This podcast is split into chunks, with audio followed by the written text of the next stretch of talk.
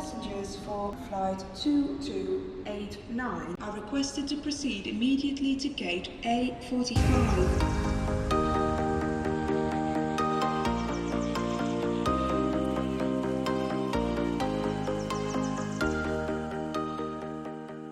Hey allemaal, welkom bij een gloednieuwe Reis te Brei podcast. Het is weer zondag en dat wil zeggen dat er natuurlijk weer een nieuwe aflevering online komt. En deze keer zit ik opnieuw niet alleen, heb ik een gast bij mij. Je kan hem misschien kennen van vroeger nog in Vlaanderen Vakantieland of momenteel van op Evenaar TV. Eh, ben Roelands is vandaag mijn gast. Hallo Ben, welkom in de Reis te Brei podcast. Dankjewel. Dat is fantastisch. Wat een mooie intro eigenlijk. Dat is, eh, dat is geweldig. Je doet dat heel professioneel, vind Dank ik. u, Eh, dank u. schitterend. Ja. Ja, jij bent vandaag eigenlijk mijn gast, omdat ik het met jou ehm, ja, wil hebben eigenlijk over jouw ehm, ja, carrière een beetje op reisvlak in de media.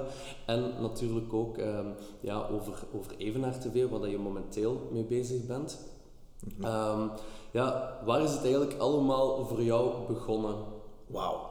Dat is, dat is echt een hele ruime moet ik vraag. ver gaan graven. Ja. Eh, maar ik ga dat verhaal een beetje eh, kort houden. Mhm.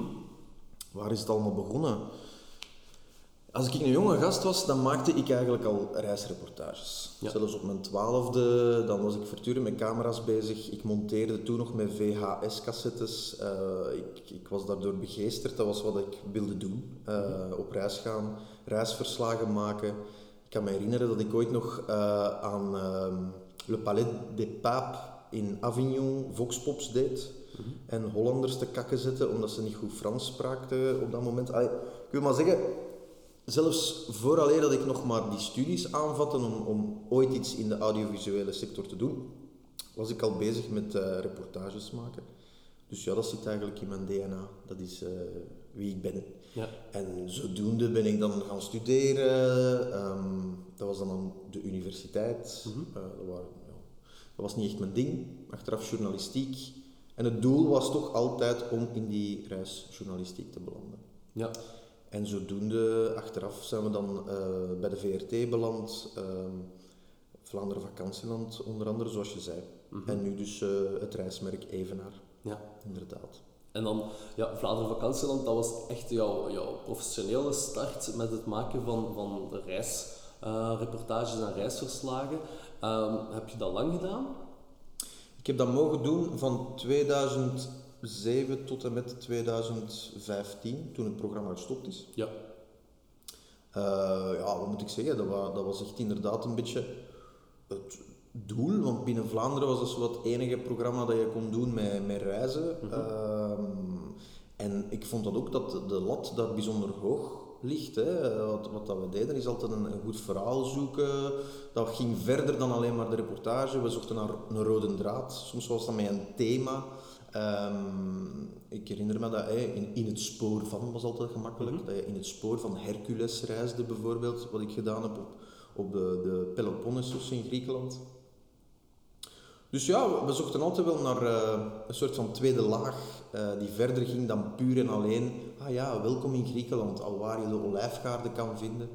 Ehm, dus dat vond ik daar altijd heel, heel erg mooi aan. Dat was ook een prachtige tijd. Ik bedoel, wie kan dat zeggen dat de monde zoveel tijd naar een ander land gestuurd wordt? Het is de beste leerschool die dat je kan hebben. Ehm, en eigenlijk ben je zo'n beetje de, de beverpatrouille op dat moment. Je wordt erop uitgestuurd met amper eh, vier man in totaal. Regisseur, klankman, cameraman en de reporter.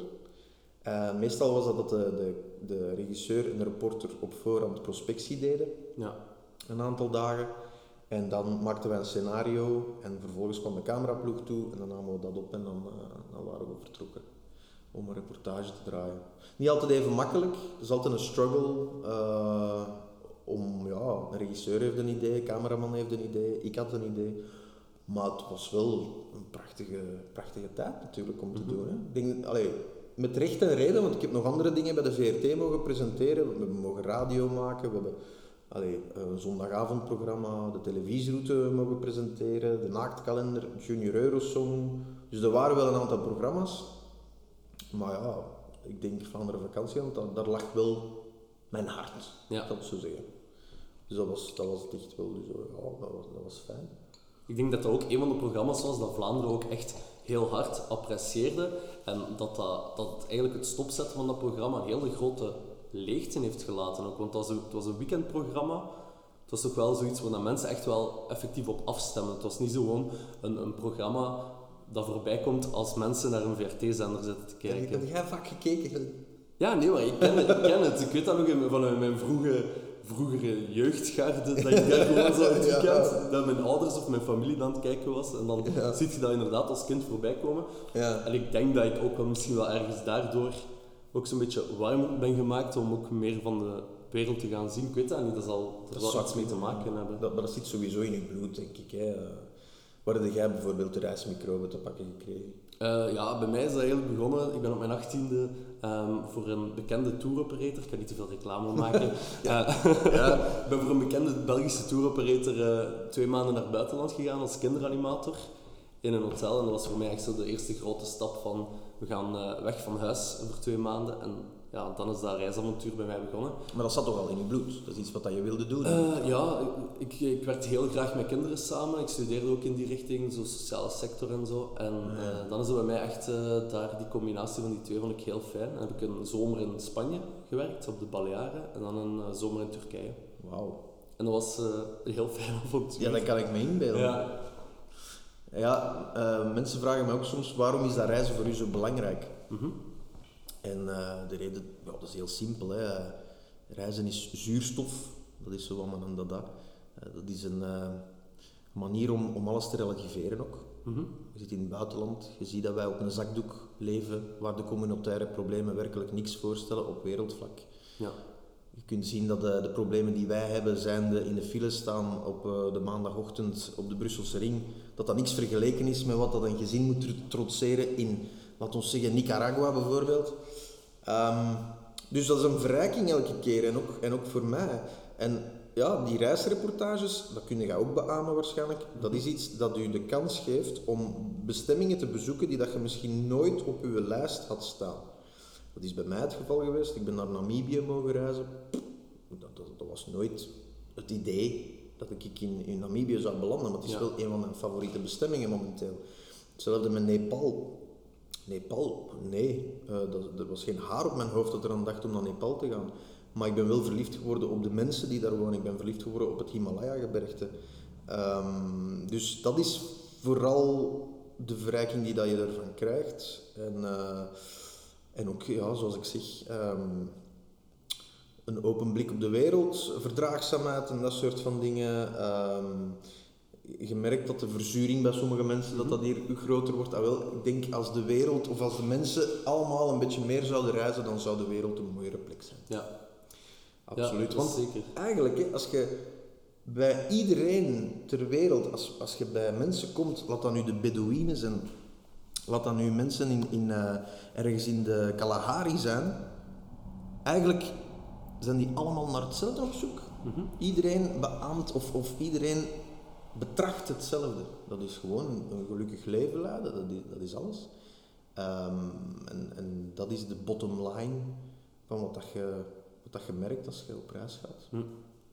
Dat- En ervaart je dan hetzelfde geluk als je gewoon eh, voor jezelf met je, met je gezin op reis gaat, eh, dan dat je echt eh, zo'n reportage aan het draaien zet? Of zeg je van, ja, het is toch helemaal anders, ik beleef reizen helemaal anders als het niet professioneel is, dan dat ik het zelf ga doen met mijn, met mijn gezin?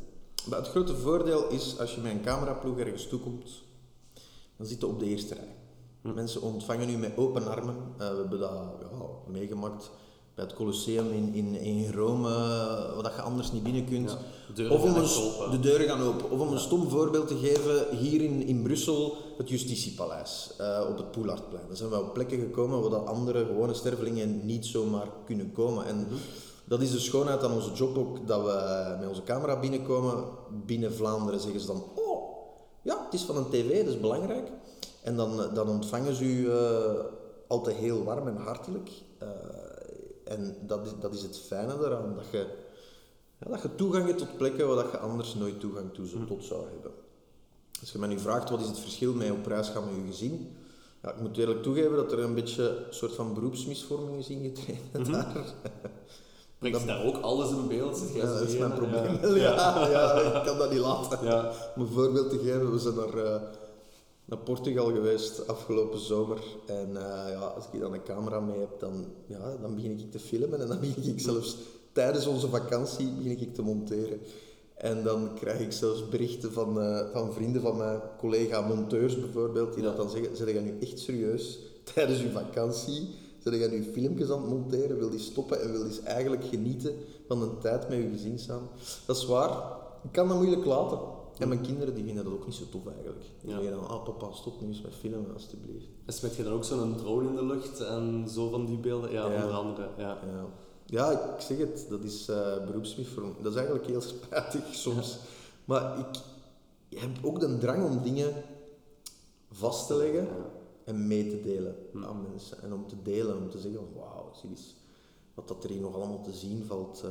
Ja, dat is het een beetje. Als je natuurlijk al, al heel je leven gewoon bent om storyteller te zijn en eh, dat te doen, dan is delen ook wel echt een gezonde Ja. en goede drang ook. Ik denk niet dat er eh, ja, veel verkeerd aan is. Als je dat deelt op een, in, een good, in a good way, en, ehm, dan denk je dat dat, allee, dat wel leefbaar is. tuurlijk.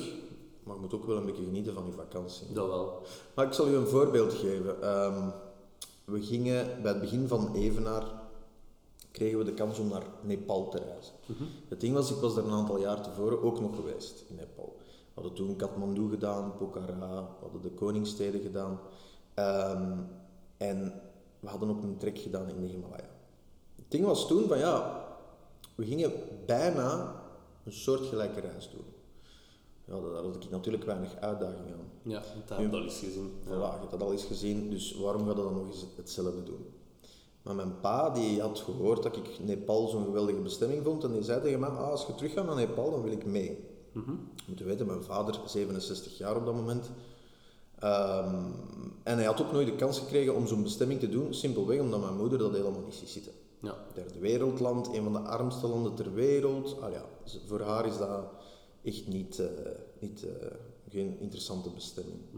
Dus mijn pa die zag dat als een mooie kans om mee te gaan. Hij zei, ja, ik wil wel meegaan. En ja, ik zag dat dan als een mooie kans, omdat als je reist met je vader, dan krijgt die reis een hele andere dynamiek. Want je hebt dat vader-zoon gegeven. Soms krijg je wel discussies van, hé pa, kom aan, hoe, hoe zit dat hier? En ehm, je krijgt ook de kans om iemand, een land, te laten leren kennen. Iets wat dat je zelf al geweest bent, Ja. wat dat voor u platgetreden paden zijn, kun je dat wel introduceren bij iemand die eigenlijk nog nooit buiten Europa is geweest in zijn leven, op 67-jarige leeftijd. Het ding is, ja, dat was geen vakantie, hè. En we zijn toen naar Nepal geweest Ja. en ja, dan begin ik te regisseren.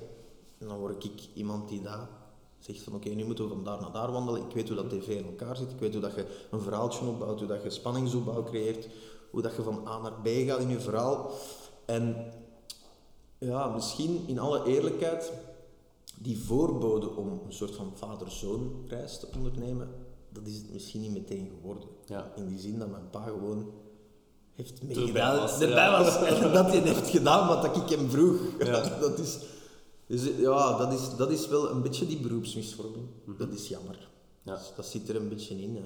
maar het is nu niet dat ik mijn kinderen begin te regisseren op vakantie. Dat nu ook Ja, weer ja, niet. dat dat. Maar ja, ze gaan misschien later wel heel tevreden zijn hè, met, met, de, met de beelden. Dat ze kunnen zeggen van ah, vijf jaar geleden waren we in Portugal. Dus allee, ik denk dat allebei wel, eh, allee, dat de negatieve dingen ook wel een positieve kant kunnen kennen. Zou kunnen. Ja, zou kunnen, absoluut. Maar ja, ja ik zeg het, die drang om, om dingen in beeld te brengen, die drang om, eh, om de schoonheid van de wereld te delen met anderen, dat, is, dat zit er wel in, ja.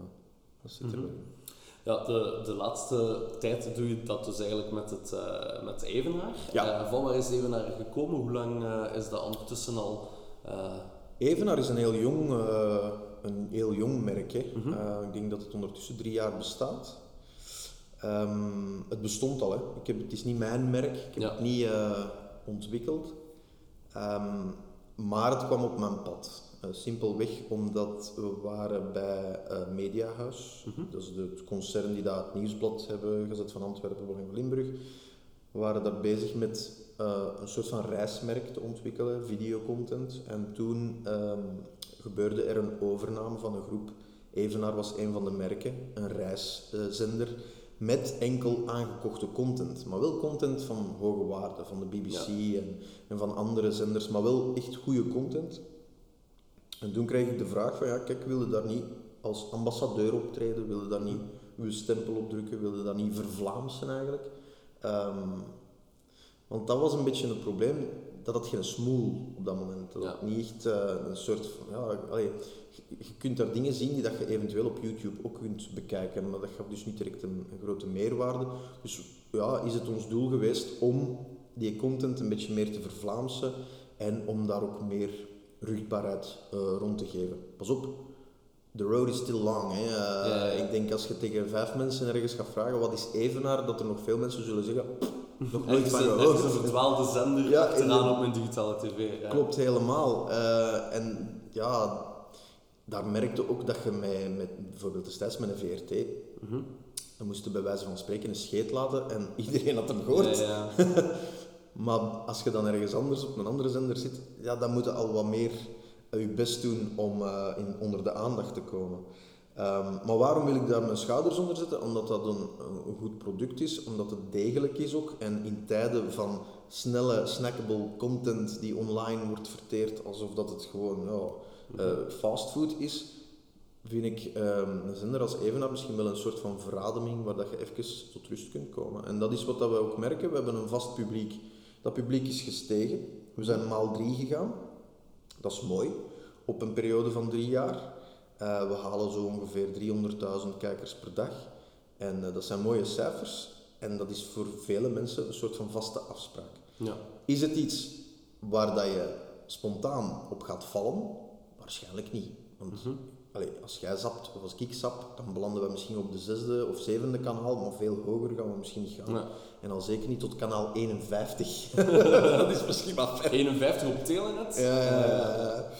Dus ja, dat, dat is...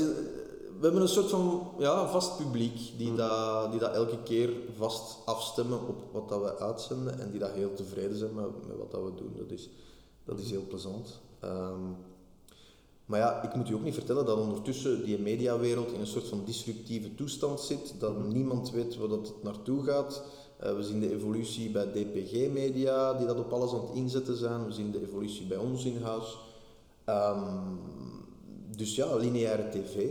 Kun je Ja. de vraag stellen, op welke manier gaan die zich handhaven in de toekomst? Ehm, gaan we binnenkort allemaal op Netflix kijken? Gaat er een, de Vlaamse Netflix komt er nu ook aan. Hoe gaat het eruit uitzien? Ehm, dat zijn allemaal vragen die dat iedereen zich stelt. En dus Ja. eh, moeten we daar ook op anticiperen. Ja. Voilà. Nu, je zei eigenlijk dat het in het eh, begin van Evenaar dat er echt vooral ehm, reportages en zo te kijken waren, ook eh, van het buitenland, Ja. Ehm, zo van BBC en zo. Worden die reportages dan momenteel eh, ook nog altijd uitgezonden, maar gedubt of met ondertiteling? Of... Ja, we hebben fantastische stemmen, zoals Chris Dussochois en Peter Kremers, Ja. die hun geweldige, ja, zoetgevoelige stem lenen aan deze reportages. En dat zijn, ja, ik zeg het, echt hoogwaardige documentaires. Richard, eh, David Attenborough bijvoorbeeld, prachtige reeks over Afrika. We hebben eh, Susan Perkins over Calcutta. We hebben ehm, nog andere reeksen over de Caribbean. En ga zo maar door. Ja. Een prachtige reeks over de daken van, waar dat we elke keer een dak van een, een metropool bezoeken, Parijs, Tokio. Eh, ja, dat is heel verrassende content die dat je daar kunt aanbieden. En daarnaast maken wij dus onze eigen content altijd samenwerking met partners. Ja. Net zoals dat jij eh, dat doet, net zoals dat andere bloggers en vloggers dat doen, ehm, maken wij dus onze eigen videocontent die dat wordt uitgezonden op ons kanaal. Ja. En dat zijn hele fijne eh, samenwerkingen, fijne reportages die dat we konden maken al de afgelopen jaren. Want ik verschiet ervan hoeveel mensen dat, alleen, dat ervan schrikken van onze bestemmingen die dat wij doen. En we zo het eerste jaar hebben we Nepal dus mogen doen, onder andere. Ehm, ja, voor mij was dat een geweldige reis. Eh, Nepal Tourism Board, die hebben dat ondersteund, samen met een aantal Nepalezen die dat hier in België wonen. Ehm, en toen zijn we dus een trek gaan doen door de Himalaya. Dat was echt... Ja, dat was, eh, dat was Mooi, hard. ja. Dat was hard, want ja, ik had dat misschien niet zo goed ingeschat. Om een voorbeeld te geven, op voorhand liet de Nepali Tourism Board weten dat ze geen trek wilden. Omdat ze zeiden van ja, we willen niet als die bestemming bekend staan die alleen maar trekkings doet in de, de gebergte. Ja. Allemaal goed en wel. Maar ja, ik beland in Nepal en ik wil een trek doen in Himalaya, want zo simpel is het, je kunt Ah, daar ja, niet omheen. dat. Maar je moet dat gedaan hebben. Voilà. Ja. Natuurlijk, dat zat niet in het programma dat we gingen doen. En toch heb ik er, ben ik erin geslaagd om dat er nog tussen te fietsen. Ja, terwijl zo'n programma van een, een georganiseerde reis is altijd vrij druk. En, dat ligt vast, Ja. inderdaad. Maar bon, ik had dan met Willeke doorgedreven, want ik zei van kom, we moeten toch een trek doen. Een trek die dat ze normaal op vier of vijf dagen doen, Mhm. moesten wij op twee dagen doen. Maar mijn vader, 67 jaar, ja. moest ook mee. Dus we beginnen aan die trek, we hebben een aantal Sherpas, dus dat gaat allemaal wel goed. Eh, maar al snel blijkt dat mijn vader dat hij niet mee kan. Dat hij een afziet en dat hij zegt van jongens, eh, ik ga me hier ergens leggen eh, in een of ander hutje eh, of, of zo- zo'n soort van hotelletje, waar je dan langs de kant van de, het wandelpad kunt verblijven. Jullie gaan naar de top, op 4000 meter hoogte, dat aan zich nog wel meeviel. Maar ik ga niet mee. Maar ja, ik had zoiets van, nee, nee, we moeten op die top staan, samen. Want dat is het hoogtepunt van deze reis. Ja. We gaan dat doen. Ik vind dat echt niet fijn dat wij hier, hier moeten achterlaten, dat zou niet fijn zijn. Dus op een bepaald moment komen we daar bijvoorbeeld een kerel tegen met een pony. Ik zeg, ah, dat is een oplossing. Dus ik zet mijn pa op die pony, ik betaal die kerel zoveel, wat was het, eh, betaal die zoveel Nepalese roepies, zijn dat zeker? En eh, vervolgens ver- allee, zetten wij onze reis verder, mijn vader op, op dat paard, op die pony. Op een bepaald moment moet die pony naar beneden. Maar ja, mijn vader heeft natuurlijk een bepaald gewicht. Mhm. En eh, die pony wil niet verder. Maar dat manneke die dat die pony begeleidt, die begint eraan te trekken aan dat beest. Ja. En wat doet dat, dat beest? Dat springt. Met als gevolg dat mijn vader dat wordt afgecatapulteerd en dat hij echt naast een ravijn belandt en bijna Oh, joh. naar beneden was gestakt. Ja. Dus ik kreeg daar een halve hartattack. Ik dacht, fuck man, wat is deze? Ehm, dus dat hadden we niet voorzien. Achteraf is de cameraman nog op, dat, op die pony gaan zitten, die is daar ook nog afgetameld. Ja. Ja, dat zijn dingen die dat allemaal niet op tv verschijnen, maar die dat u wel ook nog overkomen. Dus, Ja, ja, eh, dat dus dat kun je allemaal niet zo goed voorzien. Dus ja, Nepal, prachtige bestemming. Achteraf Zuid-Afrika hebben we mogen doen. Eh, dat was ook eh, fantastisch. Afgelopen zomer Indonesië. Maar ook Zwitserland, Duitsland. Dat is een van de, de motto's van mij. Je moet niet te ver gaan om het avontuur op te zoeken, denk ik. Ja. Ik denk dat je dat ook wel vindt. Hè. Zeker. Ehm, ja, ik eh, ben me daar ook meer en meer van bewust dat je ook in eigen land, in de buurlanden, ehm, heel veel toffe dingen kunt doen. Ja. Eh, ik ben nu ambassadeur van Schelderland. Oh, Ehm, dat, ken ik. Ja, voilà. Eh, Ja. Dus ja, ja met, met, met vijf andere bloggers zijn we eigenlijk al sinds vorig jaar de regio aan het verkennen. Ja, en wat heb je al zo al ontdekt dan? Ja, leuke brouwerijen. Ze, Ja. ze brouwen hier heel veel bier in Scheldeland, Ja. dus dat vind ik fijn. En ehm, ja, maar nog, ehm, ja, er is, er is heel veel te doen. Echt een heel bruisende regio. Donkmeer en Berlaren is fantastisch. Ben ik nog nooit geweest. Eh, ja, dat is echt superleuke dingen. Ook, ook zeker voor mijn kinderen te doen of zo. Mhm. Eh, ja, heel tof. Zeg, en ken je de Tseut toevallig? De wie? Dat is een brouwerij ook. Ah, nee. Nee. De Augustijn hebben we wel al bezocht dan. Eh, ik ben... Gulden Draak en... Nee, daar ben ik ook nog Ah, niet geweest. Ik ben in Brouwerij Bossteels geweest, Ah ja, in uh, Mooi. Buggenhout. kwak. Kwakbier. Ja, ja. En eh, ze hebben ook een champagnebier, wat ook vrij uniek is. Ja? Eh, dus ja, dat is zeker en vast, eh, zeker en vast de moeite. Maar ook Nederland bijvoorbeeld. Hè. Daar eh, vind ik dat je ook heel veel mooie, verrassende, leuke reportages kunt maken. Ja. Ehm, ik weet niet of dat jij ooit al in Gouda geweest bent. Nee. Ja, Gouda is fantastisch. Dat is echt de kaasstad. Ja. En, eh, ja, Is dat, is dat toevallig met die markt? Ja. Die gasten dat dan zo'n plank dragen met een hoedje op? Ah, ik ben er misschien wel. doen ze zo'n handjeklap voor zo met de kaasboeren. Ja. Super interessant, ja. Echt heel fijn. Ja, ah, wel, dat is ook het mooiste eh, voorbeeld dat je nu geeft. Ehm, ik kende eigenlijk mijn eigen regio niet. Ik kende Mhm. Vlaanderen ook niet. En als, als ze mij zeiden van we zullen eens een dagtrip doen in Vlaanderen, dan haalde ik mijn neus daarvan op. Ja. Dan zei je, wat? Van, No het is way. maar hier. Ja, ik moet Ja. ergens in de tropen gaan zitten, ik moet Ja. ergens in een jungle zitten. ehm. maar dat is het inderdaad, eh, dat is de grote verdienste van, van al die programma's en van de, de, de, de reportages die onze eigen regio's in beeld brengen. Dat is de grote verdienste, dat je dingen ontdekt die dat je niet wist. Ja. mooiste voorbeeld zijn inderdaad hier in het Scheldeland. Ik moest hier een reportage opnemen, hier ehm, in de buurt. Dat dan in Bornem, eh, in de Weert, Scheldeland dus, hè, Ja. Klein Brabant zoals het al heet. En ehm, ik zie daar allemaal rietenmanden. Mhm. En ik denk dan, ah ja, wij hadden die thuis ook destijds staan, die rietenmanden. En blijkt dus dat, hè, dat die, die stengels, die rietstengels, die werden hier dan eigenlijk aangeplant in, in, in de, aan de rand van de Schelde. En daar waren dan vlechters die dat dan die rietenmanden vlechten en dat. Dus dat is eigenlijk echt wel geroot van Ja. hier. Terwijl ik dacht dat die rietenmanden ergens van Afrika kwamen. Ja. of zo. Ik had nooit gedacht dat dat van hier kwam. En toen dacht ik van shit, het is, het is eigenlijk wel waar dat je vandaan komt. Mhm. Dus je, denkt altijd van jezelf, ik ben geen Vlaming, ik ben geen Belg, ik ben Europeaan. Of ik ben zelfs wereldburger. Ja. Maar eigenlijk, ehm, je komt altijd van ergens en dat zit in je DNA. Zo simpel Mhm. is het. Je krijgt dat er ook niet uit. Dus dat is exact wat je zegt. Het avontuur bevindt zich daarom niet in Ouagadougou. Het avontuur bevindt zich in je achtertuin. Vandaar dat we bijvoorbeeld met Evenaar, dat is nu al even geleden, maar hebben we ook een, eh, een, reeks gemaakt, Micro Adventures. Mhm. Dat kende wel ongetwijfeld. Dat is eh, een term die dat uitgevonden is door een Brit, Alastair Humphreys. En die eh, heeft dat dus ook gepromoot. Hè. Het feit dat je niet altijd heel ver moet gaan. Alastair was eh, een wereldreiziger, die had de wereld rondgefietst Mhm. toen dat hem afgestudeerd was. Ging achteraf eh, lezingen geven over zijn reis. En achteraf na die lezingen kreeg hem zo vaak te horen van ja, het is wel gemakkelijk voor u, hè. je kunt zomaar de wereld rondfietsen, maar tegelijkertijd, ik heb 2,4 kinderen, ik heb een, een hypothecaire lening eh, op mijn huis, ik moet dat kunnen afbetalen, ik kan niet zomaar morgen vertrekken met de fiets.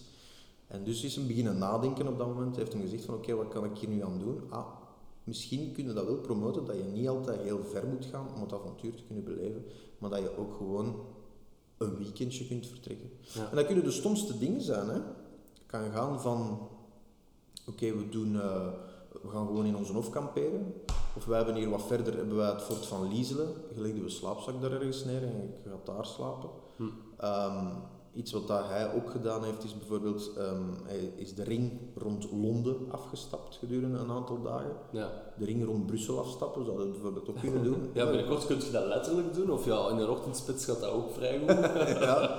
Maar je zou ook dingen tegenkomen op dat moment. ja, ik denk dat wel. Als je zo op plekken komt waar je denkt van, hier passeer ik vaak. Ja. Of als je zo in de file staat en denkt van, oké, je kijkt zo rond, zo, wat is er links, wat is er rechts, maar Ja. het valt zoveel te, te bewonderen, wat dat je eigenlijk altijd los voorbij loopt. Om een voorbeeld te geven, wij hebben in de reeks Micro Adventures hebben we een vlot gebouwd. Mhm. En toen moesten we vertrekken van Kortbeek-Dijlen. Dan eh, moesten we eerst ons vlot bouwen. Eh, en vervolgens gingen de dijlen af en dan ging de zo tot in Leuven. Ik had nog nooit dijlen van die kant gezien. Dat is Ja. een prachtige meanderende rivier. Je komt onder andere onder de E40. En dat is daar bijzonder groen. Nu, ik rijd zoveel keer over, over de E40 richting Leuven. Ik had die kant nog nooit gezien, dus Ja. dat was echt een mooie verrassing. Ja, en dan nog andere dingen dat we, dat we gedaan hadden. ehm, is bijvoorbeeld downhill skateboarden vanaf het hoogste punt van België. Dat was ook nog een toffe bushcraft cursus gaan volgen. De aanblijven afsuppen. Hm. Eh, ja, je kunt het zo zot maken, hè, maar de bottom line blijft, je kunt je eigen leven zo interessant maken. Ja, voilà. Ja, ik ben vorig jaar bijvoorbeeld zo eens eh, voor één dag in het Heuvelland, ook zo die kanten van, eh, van Leuven en uh, Scherpenheuvel, Ziegem, eh, gaan afrijden met, een, eh, met zo'n Vespatje. Nee, Ja. geen Vespa, een 2pk'tje. En dat was echt zo, gewoon heel chill, zo dakje open, zo'n mega oude oldtimer wagen. Ja. En gewoon zo'n tablet en dan gewoon kijken waar dat je uitkomt. Ja. De route, super leuk dat dat bestaat. En eh, je moet het gewoon ja, inderdaad zien te vinden. En Ja. als je het vindt, dan uh, dat is het fantastisch. hè. Ja, absoluut. En dan kun je dat ook weer delen met, met andere mensen. Ja. Feit. Wat is zo echt, als jij zou mogen zeggen van, ja, dat is echt by far mijn favoriete plek in, eh, in België, kun je dan meteen zeggen van, ja, dat is het. Dat is de moeilijke. Dat is een hele moeilijke eigenlijk. Favoriete plek in België? Ehm, Ja, mag ook gewoon een streek zijn of zo. Als je, als je zegt van, ja. ik zit er ook moeilijk mee met die Ja, zeg eens. ik haal ze terug. Wat is uw favoriete plek in België? in Ja, godsnaam? mijn favoriete plek in België heb ik eigenlijk, ehm, denk ik, twee jaar geleden leren kennen. Dat is in de Hoge Kempen, in, eh, in Limburg, ons enige nationale park. En ik vind dat we daar zo fier op moeten zijn. Hoe, wat een prachtig stukje België dat dat is. Dat vind ik echt allee, bewonderenswaardig eigenlijk dat we dat hebben. Ja. En Ja. je er zelf al geweest? Ja, ja, ja, we hebben er al gefilmd. Ja. Sahara ligt daar ook in. Eh, buurt. ja, klopt. En dan heb je daar zo die Connecterra, die supergrote berg. En ja, Ja. fantastisch fietsen, wandelen. Eh, ja, geweldig weekend gehad, ja. Ja, dat is heel mooi, dat is waar. Ja, er zijn zoveel mooie plekken. Ik, was, ik, was, eh, ja, ik vind dat Limburg bijzonder goed bezig is met hun fietsen door het water en fietsen door de bomen. Ja, Eh, dat is, allee, marketing-wise is dat een geniale zet. Daar Ja. die de, internationale pers mee en dan hebben we zelf over de Washington Post en de New Yorker en Mhm. gaan zo maar door. Die zijn ook internationaal bekroond met die dingen. Ehm, anderzijds ja, heb ik een beetje een haat-liefde verhouding gehad met onze kust. In die zin dat ik altijd die hoogbouw eh, een beetje heb afgebroken, waar Westoer nooit zo tevreden mee was Ja. Eh, ik was altijd aan het zeggen van ja, Kansand, ga naar Kansand, dat is veel beter. Eh, Maar daar moet ik nu op terugkomen, want ik vind dat we, dat bijvoorbeeld een stad als Oostende, eh, maar ook Blankenbergen, Ja. dat, die, dat die echt hun best doen en dat dat echt serieus vooruit is gegaan. Hm. Ehm, Vlaamse Ardennen. Ook prachtig, maar het is ook wat, dat je, wat dat je zoekt. Hè. Ik denk dat wij inderdaad bijzonder fier mogen zijn over Antwerpen, Gent, Hasselt. Ehm, dat varieert ook een beetje. Hè. Ben ik op zoek naar eh, een fijne tocht op de fiets, dan kan ik hier perfect buiten eh, stappen en dan hebben wij hier prachtige fietspaden langs de Schelde bijvoorbeeld. Eh, dan denk ik aan Sint-Amans, eh Mariekerke en ga zo maar door. Ja. Maar wilde cultuur, dan kun je ook naar Brussel, waar ik wel lang gewoond heb, Mhm. wat dat fijn was, maar net zo goed Gent, Antwerpen. Of de rest, hè, de centrumsteden, zoals een Mechelen, een Leuven, even goed. Ja. Zo'n beetje die eh, second choice bestemmingen eigenlijk. De second choice bestaat. Dat is de nieuwe reisterm dit jaar, hè. een van de reistrends. Is dat zo? Ja, klopt. Ah, ja. ja. Mechelen gaan we binnenkort ook naartoe voor reis te breien. Ja? Eh, gaan we eens gaan bekijken wat de second choice bestemmingen te bieden hebben. dat zijn die, Ehm, die, die centrumsteden dus eigenlijk. Ja, dat zijn eigenlijk zo ja, alles buiten de grootsteden. Ja. Dus Zullen daar nog een Aalst, als bijvoorbeeld... een eh, Doornik, kan er ook nog bij. Eh, was dat er nog bij zit in Vlaams-Brabant? Moet ik eens nadenken. Een Halle heeft ook stadsrechten. Maar of dat, dat, dat is nu misschien niet direct vergelijkbaar met een Mechelen natuurlijk. Ja, ik denk... Allee, Maar Mechelen. Genk bijvoorbeeld in plaats van eh, Hasselt. Genk, inderdaad. Zo, ja.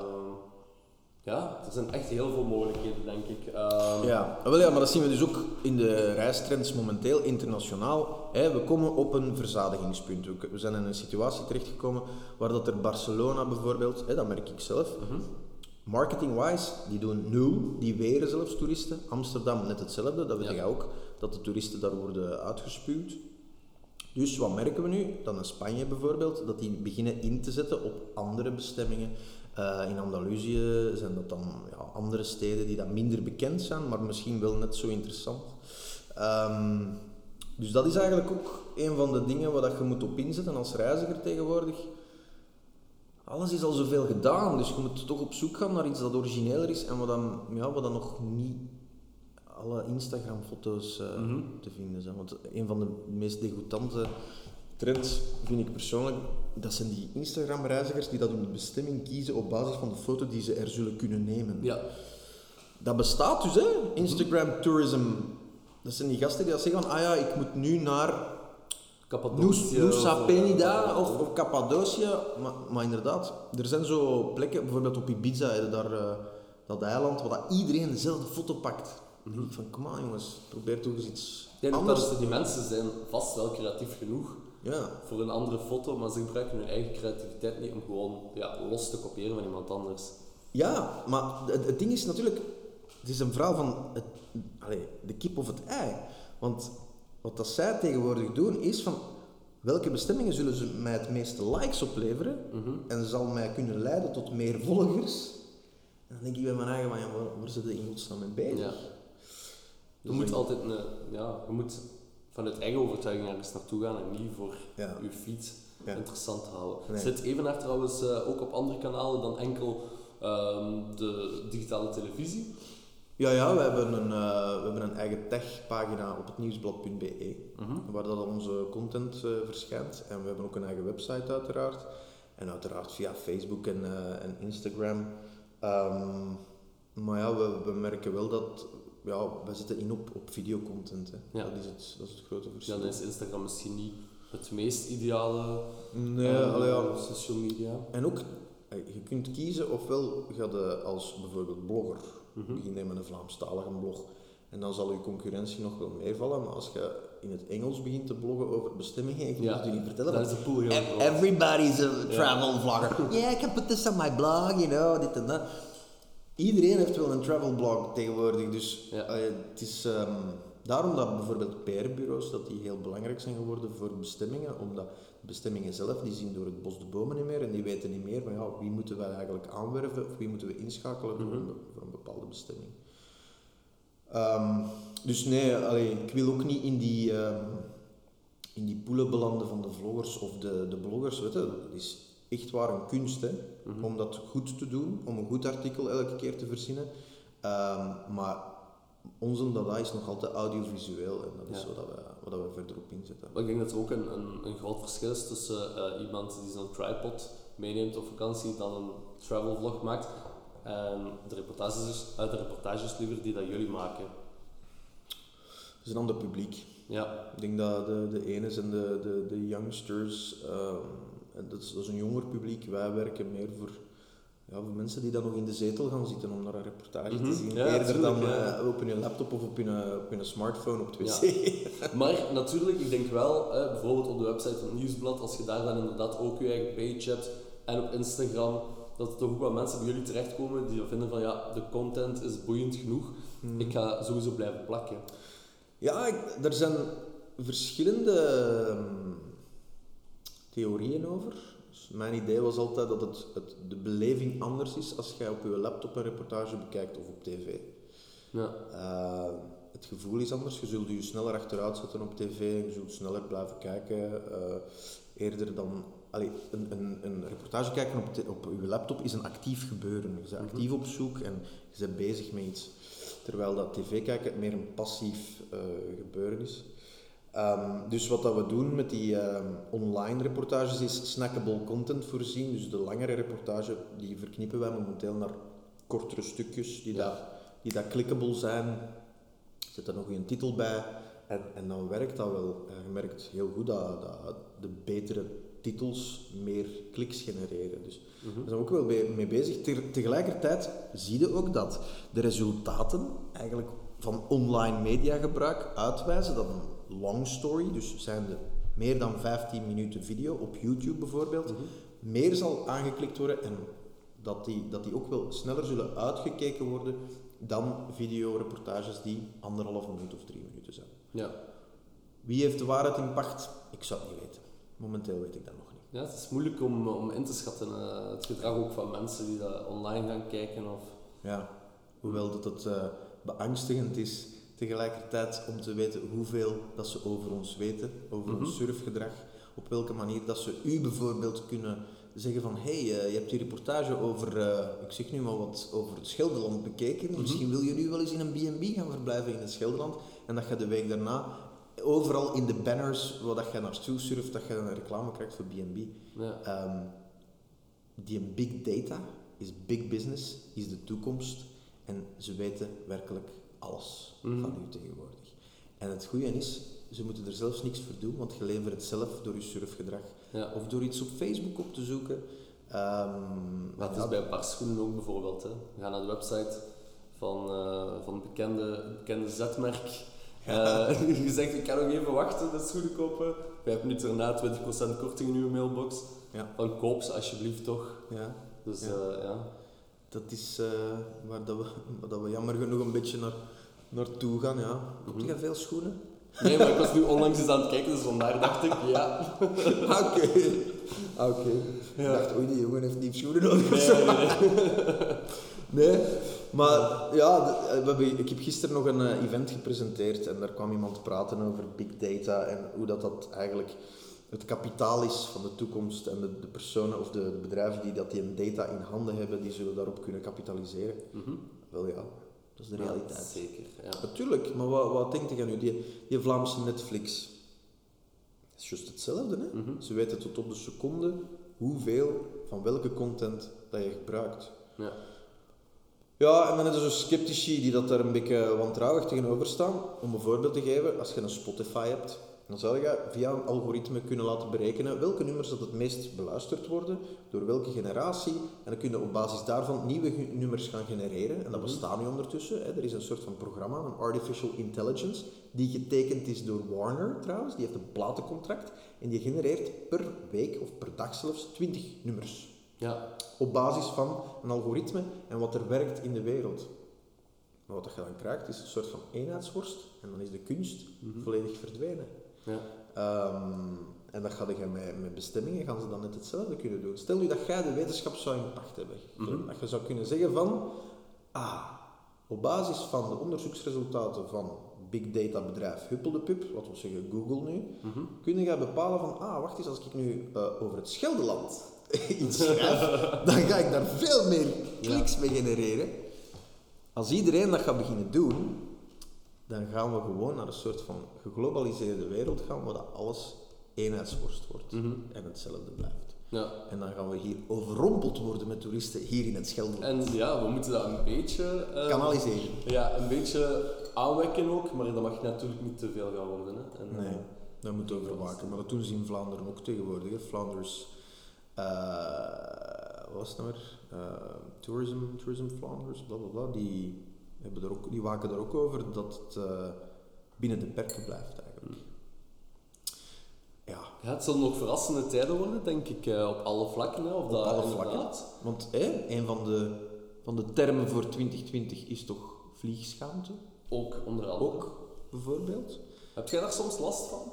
Dat jij denkt van, hmm, weer al een vlucht. Een ex-collega van mij, Nick Balthazar, die zat daarmee gevrongen uiteraard. Hè. Ja. Dat is de, de, de ridder van eh, de Groene Golf, de ridder van de ecologie, die dat er tegelijkertijd voor Vlaanderen Vakantieland zoveel keer per jaar het vliegtuig nam. Dat viel moeilijk te rijmen op het einde en daar werd hij ook veel op aangesproken. Mhm.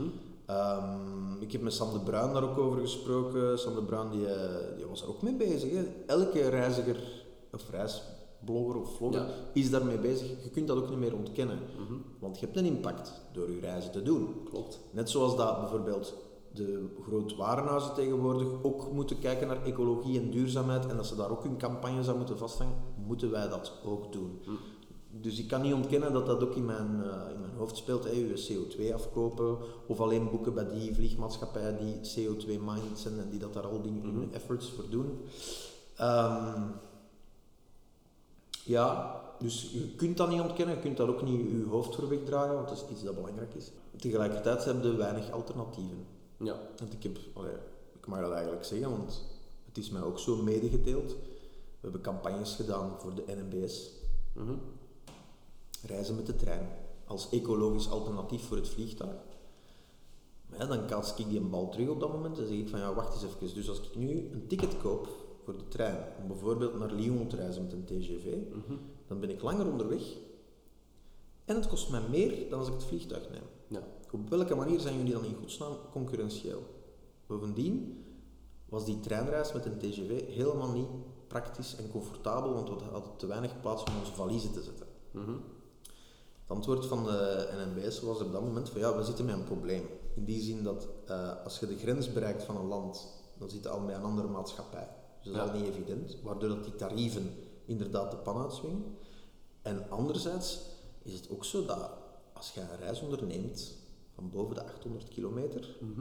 dat reizen met het vliegtuig eigenlijk nog altijd het makkelijkst is, het goedkoopst. Ja. En dat dat dus, ja, dat dat dus moeilijk werkt. Dus ja, het is elke keer een afweging die dat je moet maken. Ja, nogthans nu, eh, wat ik ook ondertussen al veel heb gehoord, is dat er dit jaar echt ongelooflijk hard gaat ingezet worden op dat treinnetwerk, dat dat toch echt wel beter zou gaan, ook in combinatie met die slow travel. Eh, maar wat ik dan wel de tegenpool een beetje daarvan vind, is dat mensen toch wel zeggen van ja, maar ik heb maar 20 dagen verlof op een jaar. Als ik er twee dagen over moet doen om op mijn bestemming te geraken en twee dagen om terug te gaan, ben ik al vier dagen kwijt. Ja. ja. Dus dat is dan weer de, de tegenpol. Ik denk dat dat zo een Ja. beetje bij alles gaat zijn, van dit is positief, dit is negatief. Het moet een beetje een goede combo worden. Eh, Het leven is een onderweg zijn, geen bestemming. dat is waar. nee, ja. maar je hebt inderdaad die, die een trein die dat ze hebben ingelegd, die nachttrein terug naar, Naar Wenen, Innsbruck, hè? denk ik. Ja, Ah, naar eh, Wenen of naar Innsbruck? ja, het zal Maar het was naar Oostenrijk, hè? Ja, sowieso. En eh, de, de persaandacht dat die gekregen hebben, dat was ongelooflijk. Dat is hè. heel veel, ja. Het overal. Ja. Ik, ik denk dat, dat dat bureau zelf, die waren ook overweldigd door de aandacht dat dat kreeg. Ik dacht, ja, het gewoon over een trein die er al was en die verdwenen is en die niet terugkomt. Zoveel nieuw is er niet aan. Maar ja, je merkt dat dat inderdaad iets is dat vele mensen raakt. En eh, ik kan u garanderen, als je met een trein door de Alpen gaat, of dat dat nu de Zwitserse of de Franse Alpen zijn, ja, dat is fantastisch. hè. Dat is een beleving. Je kijkt naar die bergtoppen en ja, dat is toch wel echt genieten. En het is, want we zijn vorig jaar met de trein gaan skiën. Het is toch wel anders dan als je met die auto naar daar naartoe moet en, eh, en zoveel moet opletten. Je komt veel relaxter toe. Dat is, Ja. dat is een feit. Dus er zijn zeker voordelen hè, eh, om op die manier duurzaam en ecologischer eh, te reizen. Dat is een feit, dat is waar. Maar het blijft afwegen, ja. voortdurend. Goede keuzes maken, eh Ja. het een of het ander. Vorig jaar hebben we een, eh, een duikreis gedaan in Indonesië. Dan mocht ik aan boord gaan van de Ilike, een soort van pinisi-boot, eh, typische Indonesische schip. Eh, een liveaboard heet dat. En eh, toen dat we vertrokken op reis toen, dan was ik eigenlijk niet zo goed op de hoogte van wat dat we gingen doen. Ik wist dat, we om, dat ik om vier uur in Antwerpen moest staan. Dat was het enige eigenlijk. En vervolgens eh, zijn we dan vertrokken naar Amsterdam. Daar hebben we het vliegtuig genomen tot in Jakarta. Nee, eerst tot Doha, tussenvlucht, dan tot in Jakarta. Vervolgens naar Denpasar, Bali. En dan doorgevlogen naar Ambon, een van de eilandjes. Je moet weten, Indonesië telt 17.000 eilanden. dus ik dacht, ah, nu zullen we er wel zijn.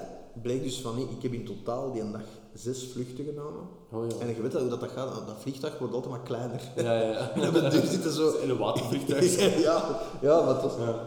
En dat was echt een avontuur, want we zijn 48 uur onderweg geweest. Het, het vreemdste van al was dat tijdens de voorlaatste vlucht zit ik hier dan natuurlijk met kleine oogstjes op dat, op dat vliegtuig nog. Te denken van, ben ik er nu al? Of... Ja, en ik dacht van, oh, nog één vlucht en we zullen er wel zijn. Stappen daar twee mannen aan boord. En ik ben dus tegen mijn cameraman bezig van, ja, we zullen er nu wel zijn. En die mannen antwoorden met zo'n sappig Antwerps accent.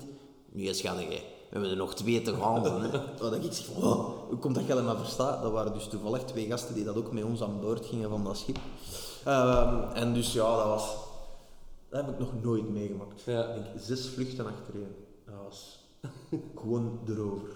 erover. En vooral, ja, wij reizen natuurlijk met flight cases, met heel dure camera's, Ja. met een drone, eh, die dat ook zoveel duizenden euro's kost. Ja, zal Eh, en je wilt natuurlijk dat dat allemaal op bestemming toekomt. Ja. Dat is iets wat dat vele mensen niet zien, hè? want jij krijgt dat misschien ook als commentaar, maar ik ook, van ja, maar je gaat wel een chansaar, hè? je kunt elke keer op vakantie gaan, mag ik je valiezen eens niet dragen? En dat zijn zo de typische opmerkingen. Ehm, maar Terwijl dat we altijd zo een, een heavy rugzak mee hebben, vol met gerief. Ja, mensen Ja, en vooral de stress ook dat je vaak Ja. hebt. Hè. Mensen zien dat niet, maar je zit op een strak schema en je denkt van, oh, het gaat toch niet beginnen regenen. Of, ah fuck, we moeten daar op dat moment zijn. Of dit of dat. Dus het is niet zo allemaal... allee, alles loopt niet echt van een leien dakje. Soms moet je Ja. echt, eh, moet je echt een soort van MacGyver spelen om, om alles goed, eh, goed tot een goed einde te brengen. eigenlijk. Zijn er zo echt al dingen heel heftig misgelopen tijdens het draaien van een reportage in het buitenland? Dat je zegt van, oké, dat was echt wel chance dat we dat hebben kunnen oplossen? Of, Eh, ja, en dus mijn vader die dat bijna in een ravijn beland ja, dat was al vrij. Ja, vrij dat, was- dat was inderdaad, want ik voelde me daar heel schuldig over op dat moment. Ehm, en dat was ook terecht. Maar wat hebben we meegemaakt? Ik- We waren nooit aan het filmen in eh, Cyprus, Mhm. in Nicosia. Eh, Nicosia is, zo wat, ja, is, is een verdeelde stad. Je hebt daar een Turks deel en je hebt het Grieks-Cypriotische deel. Ja. Die stad is verdeeld net zoals Berlijn, dat vroeger was, met een muur, met een green zone.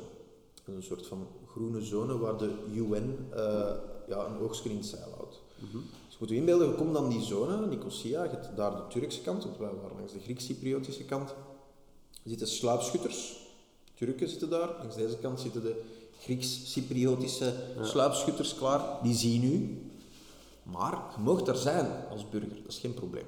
In die green zone heb je prachtige herenhuizen die dat sinds het conflict tussen de Turken en de Grieks-Cyprioten leeg staan en aan het verkommeren zijn.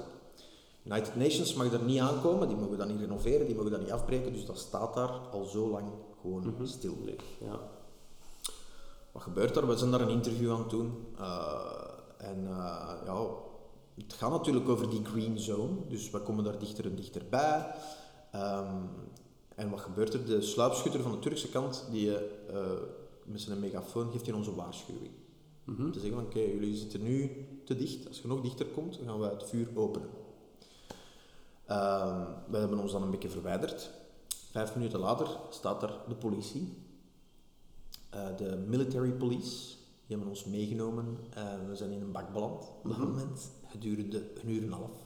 Wat dat wij op dat moment niet, niet wisten wat dat we moesten uitleggen, want ja, in onze ogen deden wij ook Niks mis. Ja. Of ja, ik was er wel gerust in dat we zouden vrijkomen, maar ja, dat soort van dingen kom je tegen. Een ander voorbeeld bijvoorbeeld is, is, is Marokko. Mhm. Een geweldig land. Is het al geweest? ja, in Marrakesh. Marrakesh, uiteraard. Vrij westers ook wel, hè? Eh, ja, ik De vond, twee. ik vond het eh, leuk. Het was een eh, verrassende stad op alle vlakken. Ja. Wij hebben ze daar overvallen. Oei, wat, Eh, hebben ja. we gedaan? Wat is er gebeurd? Ja, dat was eigenlijk zo'n eerst een tourist eh, trap. Eigenlijk iemand die met mij meeliep om mij de weg te tonen. En ik kwam aan mijn slaapplek en de dag erna kwam ik die mens terug opnieuw tegen in de stad. En hij, wou, hij had nog altijd geld van mij te goed, zei hij. En toen stond er ineens zes man rond mij. En die kwam naar uw slaapplek, hoe kwam die naar u? Ja, ja, nee, ik, ik, eh, ik ging gewoon naar mijn Ah, plek serieus? waar ik sliep in de Medina en die liep naast mij. Ja. En dan ben ik binnengegaan en dan deed iemand dus van de security de deur dicht achter mij dan. Ja. En dan is die mens maar ja, kwaad afgedropen, omdat hij eh, zoiets had van, ja, ik krijg toch geen geld krijgen. En dan de ben daarna loop je daar rechtop natuurlijk, in, de, in het midden van de soeks. Dat soort van ervaringen kan uw beeld van een land compleet veranderen. Ja, ik moet zeggen, dat was eh, mijn eerste volledige dag daar gebeurd. En dat heeft er voor mij voor gezorgd dat mijn indruk van Marrakesh ehm, vrij naar de kloten was. Ja. Om het zo cru te zeggen. Maar ehm, ik ben dan wel de dag daarna naar het Atlasgebergte getrokken met een kerel, ehm, die- een, ja, een berber echt, die dat daar excursies doet via Airbnb. Ja. Dat was de beste, beste dag. Er zijn nog keihard volgers van mij ondertussen naar die excursie geweest, die gaan doen en zeggen van, dit was de beste dag van mijn vakantie. Ah ja. Dus dat is super leuk dan om inderdaad mensen ook op pad te sturen met dan toch een positieve ervaring. Omdat Marrakesh voor mij voelde niet meer safe nadat ik die ervaring had meegemaakt. Ja. absoluut. En dat kan zo omslagen, zo direct. Ga je ook iets zeggen over Marokko? Ja, ik ben, ik ben eh, drie keer naar eh, Marokko mogen reizen. De eerste keer Tanger, en dan hebben we ook ehm Tétouan gedaan bijvoorbeeld, het noorden. Mhm. De tweede keer Marrakesh, met mijn toen eh, zwangere vriendin. Dat was een ideale bestemming.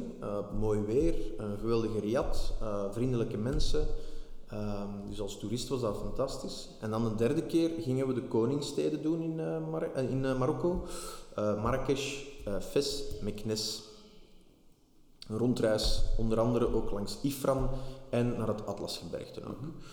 Ehm, wat gebeurt er? We landen in Marrakesh eh, met de cameraploeg erbij, veel materiaal bij, we worden verwelkomd door onze gids.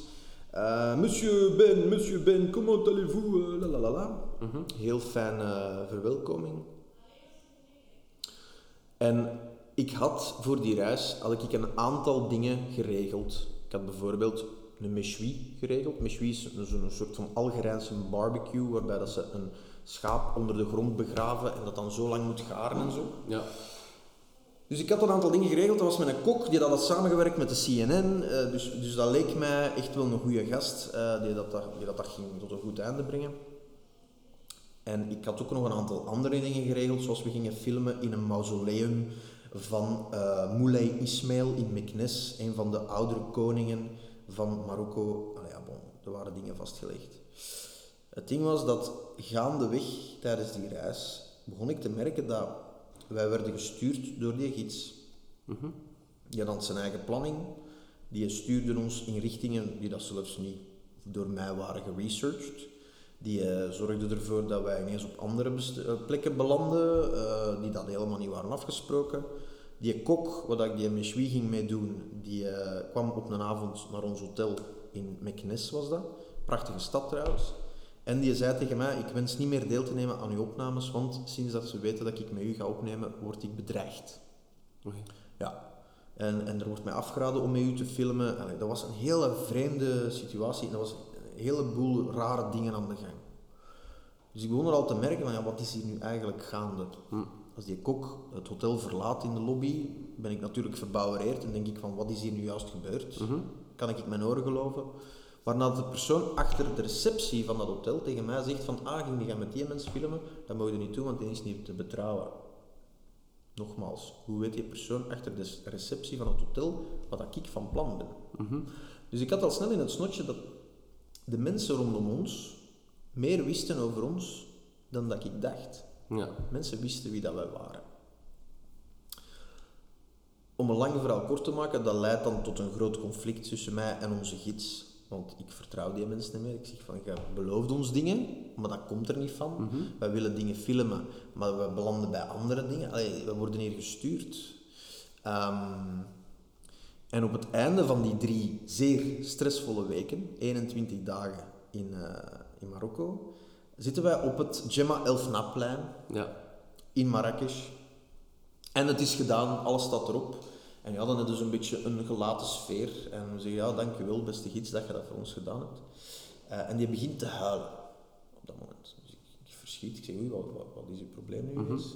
En eh, die barst in tranen uit en zegt me, ja, jullie hebben dat niet beseft. Maar van het moment dat jullie voet aan grond hebben gezet in Marokko, ben ik elke keer als jullie ergens gingen filmen, op een of andere Romeinse site of ergens anders in het gebergte, werd ik uit het busje gelicht door de Sécurité Nationale, een soort van FBI van Marokko. Werd ik ondervraagd over jullie whereabouts, waar dat jullie gefilmd hebben, wat dat jullie gevraagd hebben, waar jullie nog naartoe gingen, wat dat de plannen waren. Ik werd voortdurend gescreend en ik heb gedurende die drie weken geen een deftige nacht kunnen slapen, want ik vreesde voor mijn leven om in de bak te belanden, indien jullie dingen zouden gefilmd hebben die dat niet strookten met wat dat ze wilden dat jullie filmden. De reden daarvoor was heel simpel. In Marokko is er een soort van gedoogbeleid ten opzichte van de marihuana-plantages.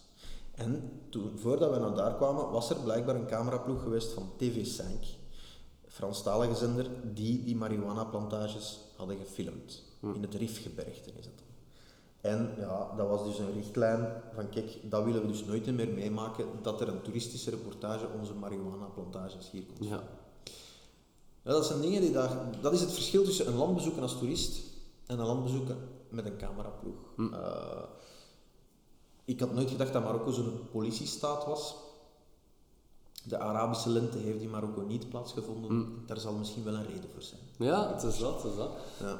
Ik, eh, ik verschrok er ook wel een beetje van tijdens mijn bezoek. Dat was ergens begin 2019, denk ik.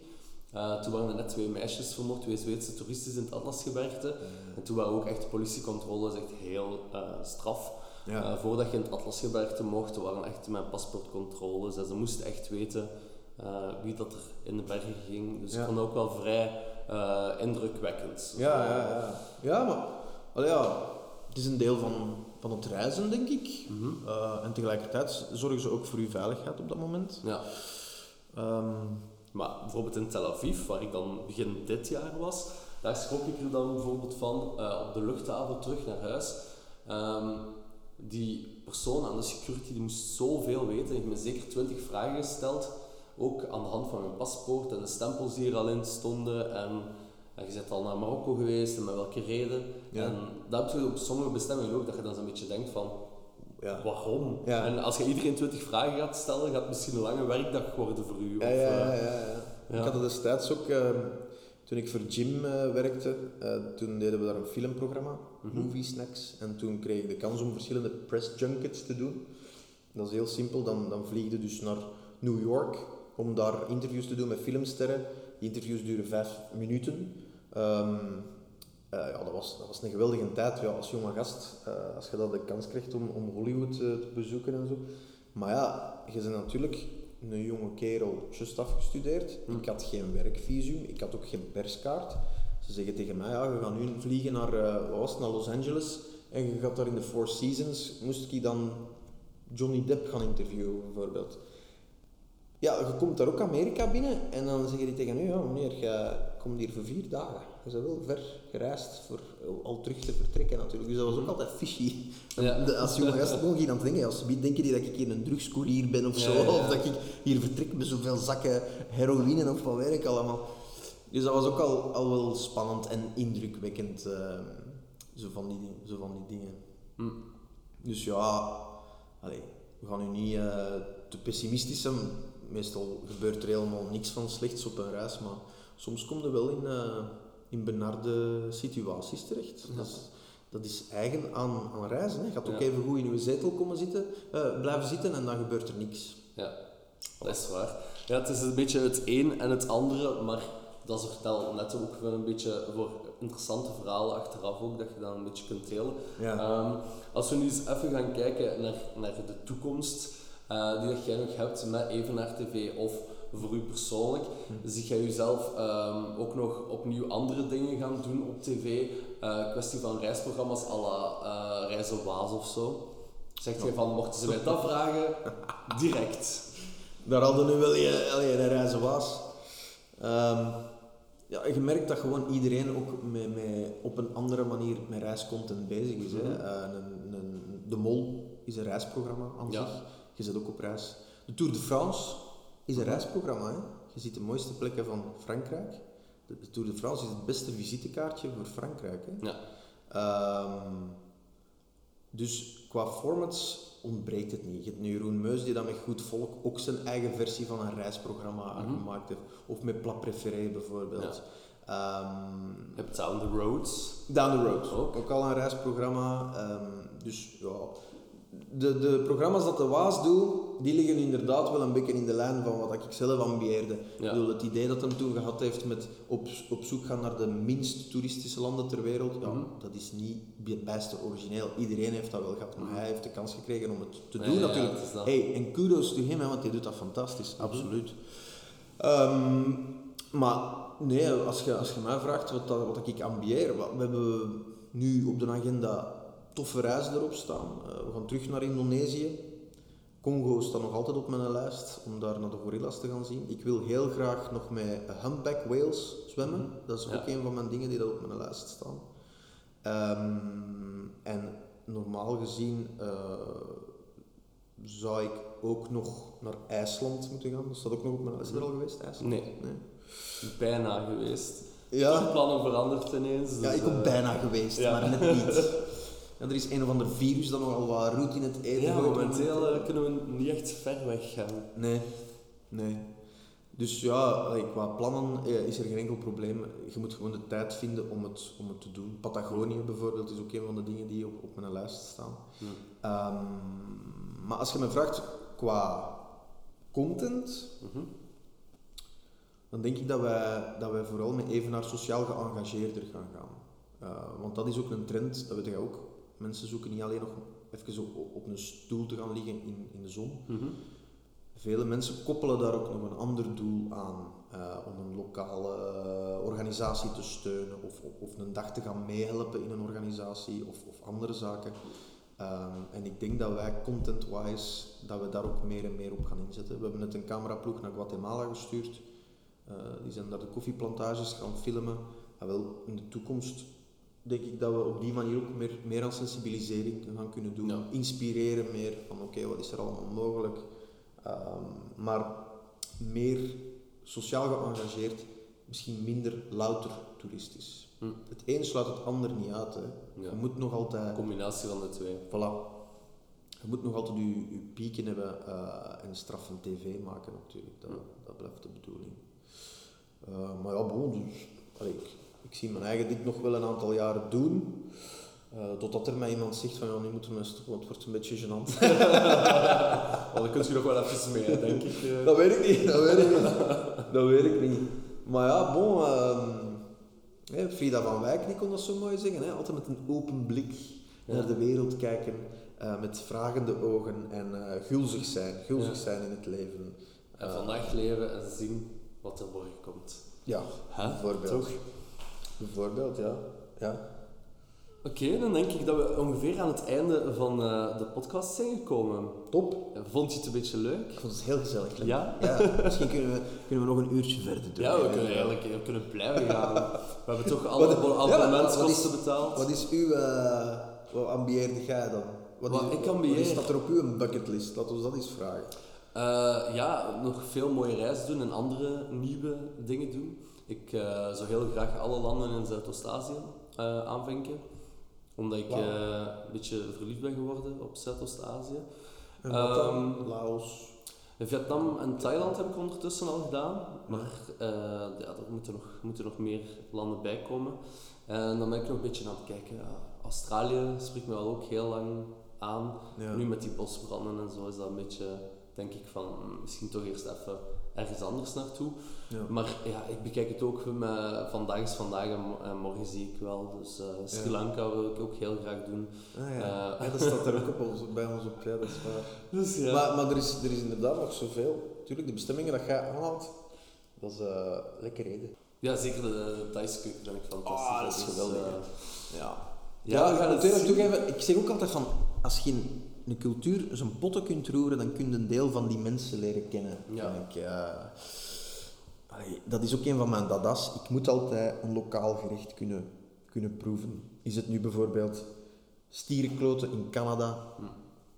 of eh, schapenkop in Marokko. Eh, ja, je moet, je moet van alles Het is altijd zoiets lokaal. Ja, en, Ja. en ook zoiets vies. Dat vind ik ook Dus zo'n proef in Expeditie Robinson met zo Ja. die Ja, eh, ogen en iets, zo. Ja. iets vettig, zo eens even ja, om je eigen te choqueren en te zeggen van, oh, dat wil ik nu wel eens, wil ik nu eens proberen. Ehm, wat hebben we in, in Zuid-Afrika gegeten? Wat was dat nou weer? Ja, potje kos, dat is zo ja, darm eigenlijk. Man, dat was degoutant. Dat was Ja? echt, echt, dat, dat was echt, dat rook naar kak. Dat was echt, echt vies. Ja. Eh, dat, dat zal ik nooit vergeten. Eigenlijk net zo vies als een andouillette in Frankrijk, maar ja, of die, die, die stierenkloten in, eh, of surströmming in Zweden. My god, man. Dat is zo dat, dat blik vis. Dat zo... Ja, gegiste, gegiste Ja. haring is dat. Wauw, dat was eh, niet te geloven. Dat was niet te harden eigenlijk. Van geur is dat ongeëvenaard. Maar qua smaak viel dat mee? Of, Ja. ja. Het is gewoon zout eigenlijk. Bizar. Het is gewoon heel zout. Maar de geur, als je dat blik open doet, dus dat blik staat ook onder druk. Hè. Mm. En daarom dat je dat niet op een vlucht mocht meenemen. Er staat bijvoorbeeld in het reglement van British Airways en Lufthansa dat je geen blik surströmming in het Ah ja, niet mocht meenemen. dat is- beetje zoals in Thailand eh, de durian Ja. verboden is. Dat is ook die stink, stinkvrucht. Hè. Dat Ja. al gegeten, Ja, verschrikkelijk. Ja. maar dat is wel lekker. Eh, ja, ik vind dat nu zo top. Ik heb zo'n gedroogde versie gegeten en Ah, ja. dat was echt eh, Nee. niet fantastisch. Nee. Ah, ja. ja, maar je moet het wel eens geprobeerd Ja, het is dat, maar ik sta ook wel echt open voor zo van die eh, bizarre dingen te doen. Wel stierenkloten. Zeker Ja. proberen. Oké. Dat is, goed voor, dat is goed voor je testosteron. Ah, voilà. Je krijgt er ineens een keizware gebruiken. stem van. en vrouwen krijgen daar een baard van en zo. Dat is echt, eh, echt de max. Ja. Ja. Maar dan zijn we eigenlijk toe aan de, de bottom line eh, van, de, van de reizen. Hè. Dat is dat, dat je nieuwe dingen leert kennen en dat je weer al een goed verhaal hebt om te vertellen aan een toog, bijvoorbeeld. Ja, zeker weten. Ja, ik hoop natuurlijk dat jij eh, ja, in de toekomst met Evenaar nog veel verhalen mocht vertellen. Eh kunt je nog even kort zeggen waar wij Evenaar eh allemaal kunnen, kunnen vinden? Er is de website, evenaar.tv. Er is onze, onze pagina op het nieuwsblad.be, die ook makkelijk te bereiken is. En daarnaast kun je ons vinden op eh, onze Facebook-pagina, waar dat er elke dag nieuwe content op verschijnt. Of natuurlijk op onze zender, eh, op kanaal 51, al waar wij uitzenden van 7 tot 11 elke dag. Ja. 7 uur s'avonds tot 11 uur. Eh, elke dag, dus een blok van eh, een mooie 4 uur, waar we dan elke keer... eh, wel goede content voorzien. Hè? Mhm. Het is eh, enkel op Telenet TV. Nee, dus bij Orange, bij Proximus, bij Telenet. Allemaal op hetzelfde kanaal. Nee, op verschillende kanalen. Ah, verschillende kanalen, Een ah, gaan zoeken en zo. Hè. Dat is, Het is gewoon blijven zappen tot, Blijven eh, totdat mensen er tegenkomen. Blijven en ik stel voor dat ik gewoon ook nog alle zenders en zo, alle postnummers, gewoon in de blogpost erbij ga zetten. Dat en dan kan iedereen eh, alle links naar Evenaar eh terugvinden in de blogpost. ja.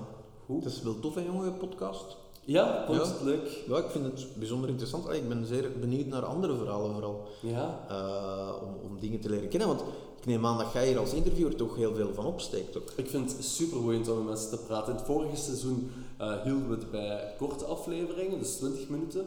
En de luisteraars zeiden van, kijk, we willen echt langere verhalen, we willen meer verhalen, we willen meer diepgang. Eh, dus dat proberen we dit seizoen te doen. Hoe lang hebben we nu gepraat? Eh, een uur en tien minuten Wauw. ongeveer. Wij hopen dat het dan interessant was, beste luisteraars. als er nu nog iemand luistert. Als er nog iemand luistert. Ja. Ik heb nog een keigoed verhaal over... Nee, dat gaan we toch maar niet in de podcast zetten de- deze keer. Nee, nee, nee. Nee, nee ik vond het echt gezellig. Ja, Goed bedankt. gedaan. En ik eh, blijf zeker volgen. Reis te. Interessant. Oké, ja, Ben, merci dat je erbij wil zijn. Eh, merci ook om te luisteren naar deze Reis te Brei podcast. Wil je geen enkele aflevering missen in de toekomst? Abonneer dan zeker via Soundcloud, via Spotify, iTunes en Google Podcasts. Kan allemaal en ik hoor jullie volgende zondag terug voor een gloednieuwe Reis te Brei podcast. Tot dan, bye bye.